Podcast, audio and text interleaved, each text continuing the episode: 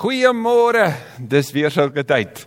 Dankie dat jy jou kosbare tyd op sy sit om saam met ons op hierdie reis te wees. Ons is regtig regtig dankbaar vir elkeen wat deel is van die Kerk sonder mure reis saam met die woord van die Here en ook reg oor die wêreld om om net te kan weet dat op hierdie oomblik is daar is daar mense van oral oor wat hierdie neem en en, en dit deel met hulle selgroepe, hulle selfamilies, hulle hulle gemeenskappe en ook net self as individue dalk by die werk nou stil staan en sê hoorie is nou eers tyd vir vir ek en die Here en Lukas. Ek so dankbaar en so so bevoorreg om saam met jou op hierdie reis te wees. Mag vandag ook weer vir ons om net net roep en en neem na 'n plek toe van nader aan Jesus, nader aan die Jesus lewe, nader aan hom, meer van hom soos soos Johannes 3 sê en minder van my. Elke week as ons begin, dan kyk ons net so vinnig terug. Verlede week het ons met Lukas 18 afgeskop en as jy kan onthou, het dit oor gebed gegaan en daar was 3 beelde gewees wat wat ons daarin lees wat Jesus gebruik om vir ons iets te vertel van wie God is en van hoe ons met gebed moet werk en hoe om dit te benader. Eerstens het hy vir ons gesê, God is goed. Hy's nie soos 'n onregverdige regter nie. Maar ons moenie moedeloos word wanneer ons wanneer ons gebede vir ons by tye voel dat ons ons wil ophou bid nie, want ons moet weet ons het 'n Vader wat hoor en wat luister. En daarom moet ons volhard in gebed soos 1 Tessalonisense 5 sê en dat daai weduwee wat by die onregverdige regter gaan hulp soek het, sy wat wel hulp by hom gekry het, dat daai onregverdige regter nie staan vir God nie, dat God eintlik presies die teenoorgestelde is. God is die regverdige koning. Hy is eintlik die regverdige regter. En as ons met hom kom praat, moet ons weet hy hoor ons saak aan en hy luister na ons en sy wil is vir ons beswil. Daarna het Jesus vir ons gesê maar maar as ek gaan bid, dan het ek 'n bepaalde houding wat ek moet inslaan nie 'n houding van selfvoldaanheid, van hoogmoed, van neerkyk op ander, van ek is tog net so dankbaar ek is nie soos daai een of daai een nie. En die hartseer is ek kan selfs die houding hê van die tollenaar en uh, fariseer myself raak sien wanneer ek sê ek is so bly ek is nie soos die godsdienstiges nie. Ek is darm nie soos die fariseer nie, want dan word ek uiteindelik presies dit, nê? Nee? nee, die houding van die tollenaar is Here, wees my sondaar genadig. Onthou jy hoe hy so op sy bors geslaan het? En as jy dit nie gekyk het nie, gaan gerus terug en gaan beleef dit en leef net weer saam met dit en en en hoor net wat die Here sê vir ons rondom ons houding in gebed. En laasens het Jesus gesê dat wanneer ek en jy na God toe kom, moet ons soos klein kindertjies wees. So my gebedslewe moet dit wees. Here, ek is so afhanklik van U. Ek kan niks doen sonder U nie. Ek het U nodig in die detail van my lewe in die minute, in die sekondes van my lewe en dat Jesus gesê het, laat die kindertjies na my toe kom en moet dit nie vir hulle moeilik maak nie, moet hulle nie verhinder nie. Ek is so aangespreek gewees op nuut net weer oor wat doen ons om dit vir kinders makliker te maak om by die Here uit te kom. Dink net byvoorbeeld aan kerkmusiek kerkklere, daai tradisionele kerkklere of styl wat vir kinders by tye volksvreemd is of of monotone kommunikasie, een een rigting kommunikasie. En hulle leef in 'n in 'n virtuele wêreld, in 'n diverse wêreld, in 'n kreatiewe wêreld. Hoe maak ons dit vir hulle makliker om by Jesus uit te kom en wat is ons bereid om prys te gee sodat dit moontlik kan wees? Vir van ons kan dit wees om ons musiek styl dalk prys te gee sodat hulle kan naderkom. Van ons kan dit wees om ons taal prys te gee.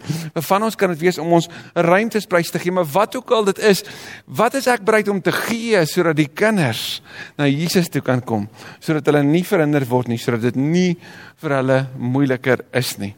Want Jesus sê ons moet by die kinders gaan leer van wat dit beteken om 'n kind van God te wees. Van die koninkryk van God is juis vir mense soos hulle, nie glo soos 'n kind nie, maar word soos 'n kind.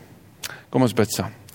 Vader, as u kinders het weet ons vandag, ons het 'n goeie Vader. Ons het vrye toegang tot die genade troon van die Here wat ons innooi. Dat wanneer ons op aan met u naam aanroep, dan dan hoor u, dan luister u nou word ons gered. Ons bid so dat U weer vandag hierdie hierdie kosbare teks van Lukas so vars en nuut weer vir ons sal oopbreek. Ons bid dit.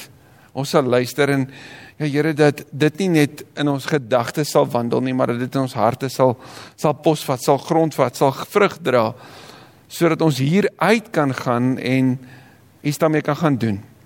iets wat net U deur die Gees in ons lewe teweeg kan bring. Ons bid dit met verwagting in die naam van ons koning Jesus die Here. Jesus is op weg na Jerusalem toe en op weg soontoe van Kapernaum af al die pad skets Lukas Lukas vir ons verskillende tonele, verskillende gesprekke en verskillende gelykenisse wat Jesus ook deel oor sy pad na die kruis toe. Lukas 18 vers 18 'n man van aansien het aan Jesus die vraag gestel: "Goeie leermeester, wat moet ek doen om die ewige lewe te verkry?" Daai is die regte vraag vir die regte persoon. Hierdie man van aansien was 'n vermoënde man. Hy was ryk geweest, hy was vol eer geweest en nou kom hy na Christus toe. En op die oog af lyk dit amper soos die houding van die tollenaar. Ek wil net ontvang. Ons gaan nou-nou sien dit was toe glad nie so nie. Hy noem Jesus goeie leermeester. Daar's nêrens in die Talmud dat waar waar daar beskrywings van rabbies is waarin hulle goed genoem word nie. Dis net God wat goed is. So eers is daar in sy uitspraak 'n bekentenis, 'n belydenis dat Jesus die Here is, dat Jesus God is. Maar Jesus gaan dit toets. Hy vra hierdie vraag oor die ewige lewe en en ek dink dit is vir ons belangrik om hier net kortliks stil te staan. Wat is die ewige lewe? Johannes 17 vers 3 help ons. Die ewige lewe is nie 'n bestemming nie. Die ewige lewe is 'n persoon. Die ewige lewe is 'n verhouding. Jesus sê en dit is die ewige lewe Vader dat hulle U ken en Christus wat deur U gestuur is. So as ek sou vra, het ek die ewige lewe? Wel, het ek 'n verhouding met hom? Ken ek hom? Dis so eenvoudig soos dit. Nou vra hierdie man, wat moet ek doen om dit te verkry? Wel om dit te verkry beteken daar's verdienste agter dit. As 'n Jood sou dit natuurlik sy wêreldbeeld wees. Ek moet 'n klomp goeders doen. Ek moet 'n klomp wette nakom om seker te kan wees dat ek die ewige lewe het. En baie van ons is ook op tye so, nê? Ons voel asof ons handvatsels nodig het. As ek net genoeg doen, dan het ek die vrymoedigheid om voor God te verskyn. Soos het ek ver oggend die Bybel gelees, het ek gebid, kan ek daarom met vrymoedigheid nou kom? Indien ek nie het nie, is ek nou skuldig. Of hoe maak ek daarmee? Sê net vir my wat ek moet doen, sal mense sê, sodat ek eers net kan kan weet dat ek oukei okay is. So opnuut lê dit weet is dit afhanklik van wat ek doen nie van wie God is nie. En die Bybel draai altyd vir ons die kamera na wie God is toe. Herinner ons na wie die Here is. So hier is sy vraag en kyk wat sê Jesus dan. Jesus het hom geantwoord: "Waarom noem jy my goed? Niemand is goed nie behalwe God." Deur dit te kom sê, sê Jesus nie dat hy nie God is nie. Hy kom daag die woorde van hierdie man van aansien uit. Nou Bruce Malina hulle sal ons help om te weet dat in 'n wêreld van eer en skaamte het het hierdie leermeester die, of hierdie man deur vir Jesus die goeie leermeester te noem, het hy hom eintlik uitgedaag met 'n kompliment. Want in daai wêreld moes Jesus eintlik gereageer het deur vir hom ook 'n kompliment te gee. Dit sê baie dankie dat ek 'n goeie leermeester is, maar weet jy, jy's daar 'n man van aansien, nê? Nee? En dan moes hy weer gereageer het. Dit is hoe dit gewerk het in daai tyd. Maar Jesus spreek die die soeke in sy hart aan. En die soeke is na God, die soeke is na redding, die soeke is na Christus. En wanneer Jesus vir hom sê niemand is goed nie behalwe God, dan bevestig Jesus die wêreldbeeld en hulle siening van die Ou Testament. God is goed. Maar aan die ander kant wys Jesus vir ons wie hy is, dat hy God is. Wat 'n belangrike belangrike beeld is hier in vers 20. Jy ken die gebooie Jy mag nie egbreek pleeg nie en dan haal hy Eksodus 20 aan. Jy mag nie moord pleeg nie, jy mag nie steel nie, jy mag nie vals getuienis gee nie. Eer jou vader en jou moeder. Maar dan antwoord hy. So asof hom half te sê, hou, hou net gou vas. En kyk wat sê hy dan. Al hierdie dinge het ek van my kinderdae af onderhou. So, in wese klink hy so baie soos daai fariseer wat in die vorige deel van Lukas 18 by die tempel gekom het en gesê het: "Here, kyk net wat ek doen ek alles. Ek ek is onderhou die gebooie, ek gee 'n tiende van alles." Sjoe, ek is so bly ek is nie soos hierdie tollenaar nie. So hierdie man sê kom sê, "Wel, ek is geregverdig." En Jesus het juis die die fariseer en die tollenaar as as voorbeeld ge, gewys van 'n verkeerde siening van mense wat dink dat hulle saak met God reg is omdat hulle 'n klomp goeders doen. Ons almal is ons boemelaars om genade, nê, wat kom pleit om genade, wat desperaat is vir redding wat net van God af kan kom. Maar hierdie man so selfvoldaan sê hy, ek het al hierdie goed gedoen en tog lyk dit my daar's iets wat mis. Daar's iets verkeerd, daar's niks verkeerd om die 10 gebooie te onderhou. Trouens ons moet dit doen. Maar daar's steeds 'n harde realiteit dat die wet jou nie kan red nie. En hoor dit. Die die fisiese onderhouding van die wet alleen sal jou nie red nie. Dit jou geloof in Christus wat jou sal red. Ons sê hierdie man al hierdie dinge. Dit is dis dis so asof hy soos 'n Paulus in Filippense 3 klink. Hy Paulus sê op 'n stadium in sy lewe was hy hierdie beroemde fariseer. Hy was hierdie man van aansien. Hy was 'n 'n student van Gamaliel. Daar was geen gelyke rondom sy toewyding aan die die Joodse kultus nie. En tog is dit wat vir hom so belangrik was op 'n stadium nou vir hom verwerplik. Gaan lees dit gerus. Vers 22. Toe Jesus dit hoor, toe hy hoor dat hierdie man sê, "Maar ek het dit alles gedoen." Sê hy vir hom, "Een ding kom jy nog kort.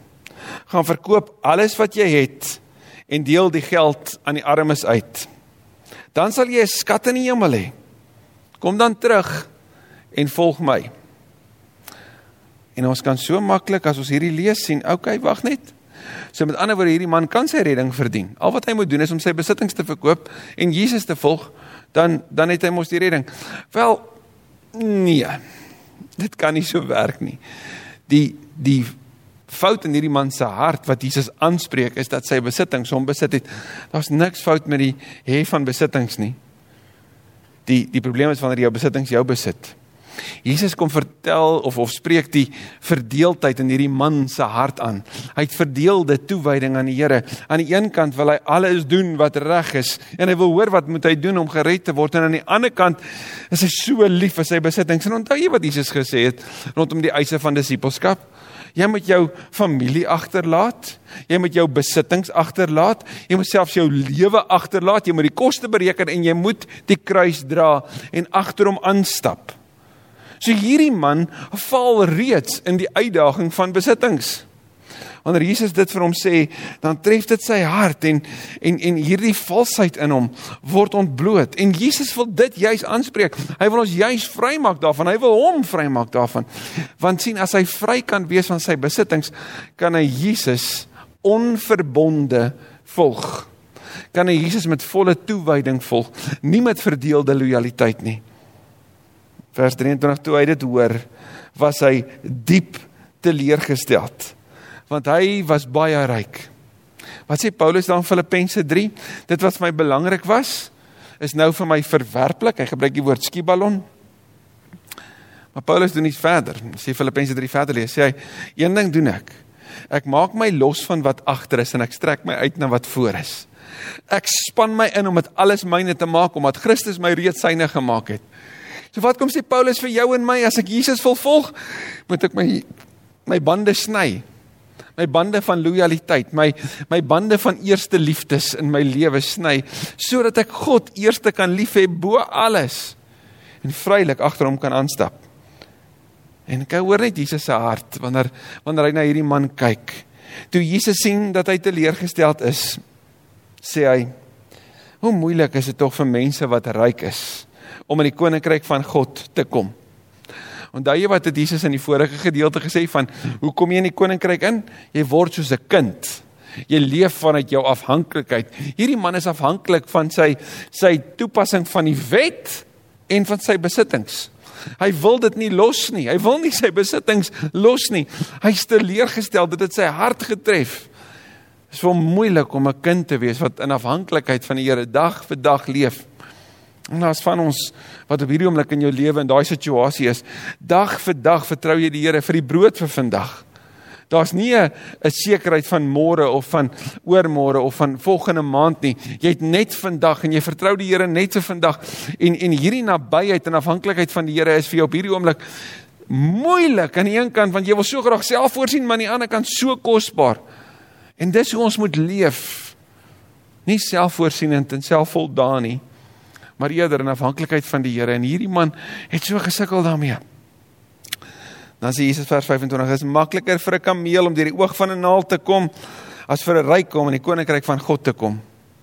Daar is kommentare wat hierdie oog van 'n naald wil beskryf as 'n klein hekkie waarmee jy sukkel om deur te kom, 'n klein hekkie dalk in 'n muur waardeur jy kan beweeg, 'n klein deur maar maar die harder feite is en as jy gaan kyk in die Babiloniese tekste ook, dan word die grootste dier van van daai dorp gebruik in hierdie uh, absolute kontras en teenstellinge. 'n Olifant kan tog nie deur 'n naald, die oog van 'n naald kom nie.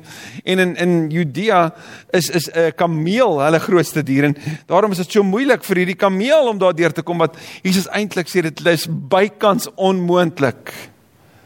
En wanneer Jesus hierdie sê en dan dan beskryf hy die die die die uitdaging wat ek en jy in die oë moet staar van wat dit beteken om hom te volg. Om regtig te sê dat ek alles moet agterlaat en dat dit vir my bykans onmoontlik mag lyk, maar dat dit noodsaaklik is. Die wat dit hoor, sê toe maar, wie kan dan gered word? So as die ryke nie gered kan word deur sy wetsonderhouding nie en en as as sy sy besittings hom dan verlore hou, hoe is dit dan moontlik? As dit nie eers vir hierdie toegewyde man moontlik is nie, as as 'n kameel nie deur die oog van 'n naald kan kom nie, dan kan niemand mos gered word nie. En dan sê Jesus, wat vir die mense onmoontlik is, is vir God moontlik. Ja, God kan selfs 'n kameel deur die oog van 'n naald neem. Ja, God kan hierdie ryk man red. Ja, God kan jou en my red. God kan daai persoon wat jy dalk in jou hart afgeskryf het, red. Vir God is alles moontlik as ons hom net sal vertrou soos 'n klein kindjie 'n ouer vertrou. God kan red. En dan dink Petrus daaroor en dan maak hy hierdie opmerking. Hy, hy sê, "Kyk, ons het van ons besittings afgesien en u gevolg." So Petrus besef iets van wat in sy lewe gebeur het. Hy sê dit is so. Ons ons ek en, my boetie en Johannes en sy boetie, ons het ons familiebesighede gelos. Ons het ons inkomste gelos, ons het ons gemak gelos en op hierdie oomblik so Petrus kon sê, ek het selfs my huis in Kapernaum en my familie gelos. Hier is ek saam met u op pad Jerusalem toe, Jesus. Ons het niks. Ons het net vir U en mekaar. En dan antwoord Jesus hom. En verseker ek julle, daar is niemand wat ter wille van die koninkryk van God afgesien het van huis of vrou of broers of ouers of kinders nie of hy ontvang in hierdie tyd al baie keer soveel terug en in die tyd wat kom die ewige lewe. Jesus het vir die ryk man 'n baie baie goeie deal aangebied, 'n sake transaksie. Los jou besittings en jy kry 'n skat in die hemel en jy kan my volg. daarmee dis die ewige lewe. So die besittings is eintlik baie min om te laat gaan vir dit wat jy kry en nou kom sê Jesus vir Petrus, julle het dit klaar gedoen. Julle het my aanbod aanvaar. Julle het julle familie, julle lojaliteit teenoor julle besittings, julle familie, julle gemak, julle lewe agtergelaat, die koste bereken en my gevolg en julle beleef nou alreeds my teenwoordigheid. God is in julle midde elke dag, die heeltyd. En wat kom soveel meer? Julle het 'n uitgebreide familie wat ons ook in Handelinge gaan sien wat van 'n 100 en en 30 na na 3000 na 5000 letterlik binne weke groei. 'n beweging wat onstuitbaar is, wat vandag nog aan die groei is. En Petrus, jy's deel hiervan. Julle as my navolgelinge is deel hiervan en bo-op dit kry julle die voorreg om my vir altyd te ken, die ewige lewe, ewige verhouding wat net nooit ophou nie. Vers 31. Jesus het die 12 op sy geneem. En hy het vir hulle gesê: "Kyk, ons gaan nou na Jerusalem toe. Onthou jy sy pad vanaf die berg van verheerliking al die pad af na Jerusalem toe, na die kruis toe, na sy dood toe. En alles wat die profete oor die seun van die mens geskryf het, sal daar bewaarheid word. En dan kom wys Jesus, die ganse Ou Testament wys op hom. Die ganse Ou Testament, elke boek van die Ou Testament praat oor hom, verwys na hom, help ons om ons fokus op hom te hou. En dan beskryf hy wat met hom gaan gebeur. Hy sal uitgelewer word aan die heidene. Maar hou vas aan die heidene. Dit is tog die Jode wat wat hom verhoor het. So gaan ons ook hoor later. Dis die Jode wat hom in die nag gevange gehou. Hoe het hierdie dan nou gewerk? Met die Jode kon hom nie kruisig nie. Hulle het nie die mag gehad nie. Hulle kon nie die doodsvonnis oor hom vel en sorg dat dit uitgevoer word nie. Dit sou deur die Romeine moes gebeur. En die Romeine was Grieke en die Jode het na hulle dus gekyk as heidene. Daarom sê Jesus, hy gaan uitgelewer word aan hierdie heidene. Wat gaan hulle met hom doen? Hulle sal hom bespot en beledig hulle sal op hom spoeg. sien jy Jesus kom sê as jy my volg, hierdie is die pad, kom ek wys vir jou hoe dit gaan lyk. Dis wat met my gaan gebeur en jy gaan agter my aanstap. Ek is besig om van my besittings en my familie en my gemak is ek besig om afstand te doen. Ek is onder julle en ek gaan my kruis opneem en ek gaan sterf. Ek gaan die eerste wees hiervan en dis wat vir my voorlê. Hulle sal hom gesel en hom doodmaak. Nou die proses van geseling in die in die volgens die Joodse wet is dat jy 39 houe, jy mag nie een meer as dit kry nie. 39 houe sou kry met 'n karwats. 'n Karwats was 'n 'n leer riem met bene van diere daaraan. Sodat as jy iemand daarmee sou slaan, sou daai bene letterlik die die vel en die vleis oopkloof van 'n persoon wat geslaan word. Daai persoon sou naak of ten minste net met die onderkleed gebukkend wees terwyl die houe reën en die en die en sy letterlik sy vlees uitmekaar uit geruk word. Die Romeine het nie 'n beperking op 39 houe gehad nie. So as jy al die Passion of the Christ gekyk het en jy voel op 'n stadium hoorie maar daai houe hou nie op nie. Daai houe hou nie op nie. Dit was die bedoeling gewees. In Jesus se geval was dit waarskynlik Siriëse soldate wat hom geslaan het. Vrede mense vir wie die taak aan toevertrou is om letterlik te sorg dat die dat die verskriklikste wreedste lyding op 'n persoon toegepas word. Jesus is die een wat deur sy wonde vir ons genesing bring, maar sy wonde was verskriklik. En die bedoeling daarmee was om die die lyding aan die kruis te verkort. Want as daai persoon net gekruisig was sonder om geslaan en gegeesel te word, sou hy vir weke kon hang aan die kruis terwyl die roofvoëls aan hom pik. En hierdie was bedoel om die vrees in mense wakker te maak dat jy nie teen die Romeinse wet sou gaan nie, om vrees in te boesem by mense. En Jesus sê dis wat vir hom voorlê. Die Messias. Hoor jy God se liefde vir jou? Hoor jy God se wraak op die sonde? Hoor jy die wreedheid van mense en hoe hulle reageer teenoor 'n ander persoon wat 'n 'n 'n boodskap bring waarvan hulle nie hou nie? En hoe dit uit uitrol? Maar Jesus los dit nie daar nie. Hy sê hy gaan gegeesel word en hy gaan doodgemaak word. Hy gaan vermoor word. Maar en op die derde dag sal hy uit die dood opstaan. Uit die derde dag sal die son van redding skyn, gaan die die die hemel oop, rol die klip weg en is daar redding vir die ganse wêreld vir hulle wat glo het redding aangebreek. Die dood is oorwin. Die angel van die dood, sê Paulus in 1 Korintiërs 15, is weggevat. 34. Maar van hierdie dinge het hulle niks begryp nie. Lukas beskryf iets hier van die verbaasenheid van van die disippels. Hulle het nie 'n idee gehad nie. Die woorde was vir hulle duister.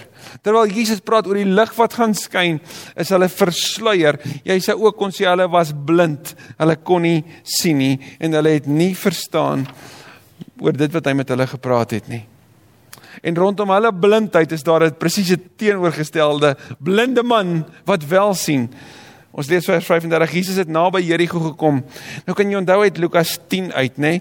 Die die Samaritaan wat van Jerusalem af na Jerigo toe gereis het, net soos die Lewiet en die priester. Daai 30 plus minus kilometer op daai bergpas af na Jerigo toe. sien Jesus se reis het van Kapernaum af al die pad afgegaan tot by Jerigo en van hier af gaan hy op na Jerusalem toe, na die kruis toe om die prys daar op Golgotha te betaal. Hy het naby Jerigo gekom En toe die toe daar 'n blinde man en Markus herinner ons daar in hoofstuk 10 dat die naam van hierdie blinde man Bartimeus is wat daar langs die pad gesit het en gebedel het. Die groot menigte mense het verbygeloop en hierdie blinde man het dit gehoor. En hy vra wat is aan die gang? Vers 37 hulle vertel hom toe. Jesus van Nasaret gaan hier verby. En toe roep hy die woorde van die Messias uit. Die Messias verwagting in die ganse Ou Testament is dat die seun van Dawid sal kom. En ons het mos gelees in Jesus se geslagsregister daar aan die begin van Lukas dat hy die seun van Dawid is. En hy roep uit: "Jesus, seun van Dawid, En dan daai woorde van die tollenaar: "Ontferm u oor my." Die messiaanse titel aan hierdie Christus wat gaan ly en hy vra vir ontferming. Die mense wat voorgeloop het, het hom beveel om stil te bly, amper soos die disippels gemaak het by die kindertjies. Bly stil. Jy's nie werd om voor hom te verskyn nie. Jy moet hom nie pla nie. Jy's van die op die randfiguur. Jy hoort tog nie hier binne nie. En Lukas het ons keer op keer herinner dat wanneer mense in nood Wanneer mense wat weerloos is na hom roep, dan stop Jesus die oorlosie. Selfs op pad met 'n dringendheid na Jerusalem toe, het hy gestop vir die kindertjies en nou gaan hy stop vir die blinde Bartimeus. Want hierdie man, hierdie Bartimeus het aanhou roep en al hoe harder laat roep, amper soos daai weduwee wat vir die regter sê, "Doen aan my reg." En hy skree hard, "Jesus, seun van Dawid, ontferm U oor my." Jesus het gaan staan en gee bevel dat hy na hom toe gebring moet word. Bring hom hier, soos die kindertjies wat nader kom. En toe hy naby kom, vra Jesus vir hom: "Wat wil jy hê moet ek vir jou doen?" En hy antwoord: "Here, dat ek kan sien." Hierdie man wie se lewe geken was deur blindheid, deur donker, deur 'n gesluierde lewe wat nie die kleur van die van van van die blomme kon sien nie, wat nie die son kon sien opkom nie. Wat weerloos was en afhanklik was van die goedheid van mense vir sy lewensonderhoud. Hy sien Christus raak. En in sy sig word sy blindheid ook genees. Here, dat ek kan sien. Goeie leermeester, Here, dat ek kan sien. Jesus sê vir hom: "Goed. Jy kan sien. Jou geloof het jou gered." Daai woord redding het 'n implikasie, want aan die een kant beteken dit natuurlik dat dit genesing bring, maar aan die ander kant die ewige lewe, die verhouding met Christus is nou hier. Jy is gered. Vers 43 en onmiddellik kon hy sien. En wat gebeur dan? Kyk mooi. En hy het Jesus gevolg. Hy het alles agtergelaat. Dit wat die wat die ryk man nie kon doen nie, het hy dadelik gedoen. Hy het genesing ontvang en hy het Jesus gevolg en hy het God geprys. Maleagi vertel vir ons daarvan in hoofstuk 4 vers 2 dat die son van redding gaan skyn en dat ons gaan huppel soos die diere op die vlaktes. Ons gaan vol vreugde wees. Jy kan hierdie man se herstelde lewe sien en hy het die voorreg om agter Christus aan te stap. Maar waantoe loop hy? Hy loop agter Jesus aan na Jerusalem toe, na die kruis toe. As disipel volg hy Christus met alles. Ook al die mense wat dit gesien het, het aan God die eer gegee. En hier los Lukas ons met 'n boodskap van hoop en blydskap vir blinde Bartimeus. Maar hy los ons ook met 'n uitdaging. Wat maak ek en jy met dit wat ons harte besit? Dit waarna ons tyd spandeer, dit wat ons dagboeke vasskryf, wat ons gedagtes vasmaak. Is dit duidelike goed? Is dit ons besittings of is dit 'n fokus op die ewige Here, die goeie leermeester wat vir jou en my sê, kom, volg my. Kom ons bid. Dankie goeie Vader vir die goeie nuus van goeie Vrydag. Dankie vir vandag se teks. Ek bid so Here, maak ons oë oop dat ons sal sien. Dat ons dit sal sien wat ons vandag moet sien, die koninkryk van God wat aan die aan die oopbreek en in die in in die in die beweeg is in ons wêreld. Dat ons sal deel wees van die genesende krag van die evangelie wat verhoudings herstel, wat mense nader trek, wat nuwe lewe bring, wat ons aanspoor om agter te laat en voluit te volg. Wat ons aanspoor om by 'n plek te kom van ek maak my so los want ek wil ek wil dit alles myne maak want Jesus het my reeds syne gemaak. Here die die geeseling van vandag se teks het net weer onrustigheid in ons harte losgemaak. Onrustigheid oor die geweldige prys wat U betaal het. En so dikwels ons onwilligheid om 'n klein prys te betaal soos ons agter U aanstap. Help ons asseblief, Here. want vir U is alles moontlik. Help ons vir wie dit onmoontlik voel by tye om ook in hierdie dag te sê Jesus, U bo alles. Ek sal U volg. Ons bid dit in die naam van ons getroue goeie leermeester Jesus die Here. Amen en amen. Ek hoop so jy 'n mooi dag.